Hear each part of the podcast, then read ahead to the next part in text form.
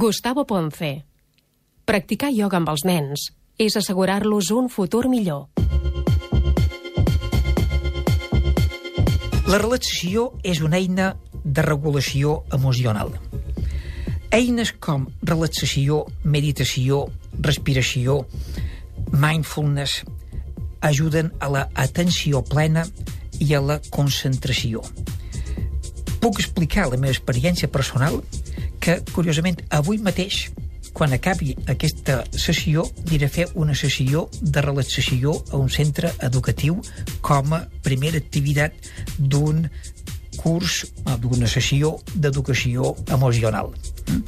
Quan una persona pren consciència de si mateixa, és capaç de veure com puc tenir alguna part de l'organisme, muscles, part del cos en tensió i que això reflecteix en tensió emocional.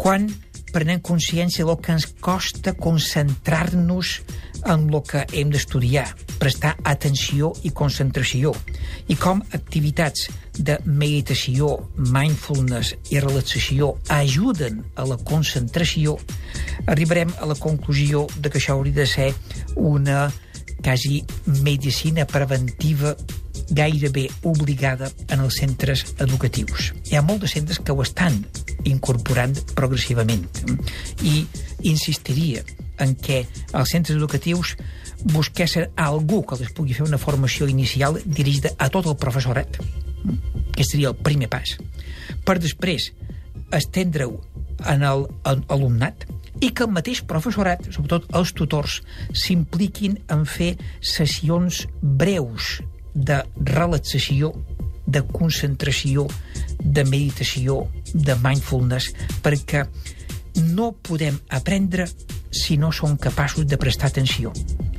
I el professorat que prengui consciència de quantes vegades un estudiant, qualsevol, tots ells, es van despistant al llarg d'una classe que en prenguem consciència.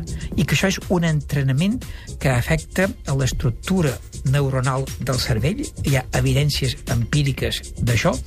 I per tant recomano que se vagin generalitzant les pràctiques de relaxació i meditació i mindfulness a dins les escoles.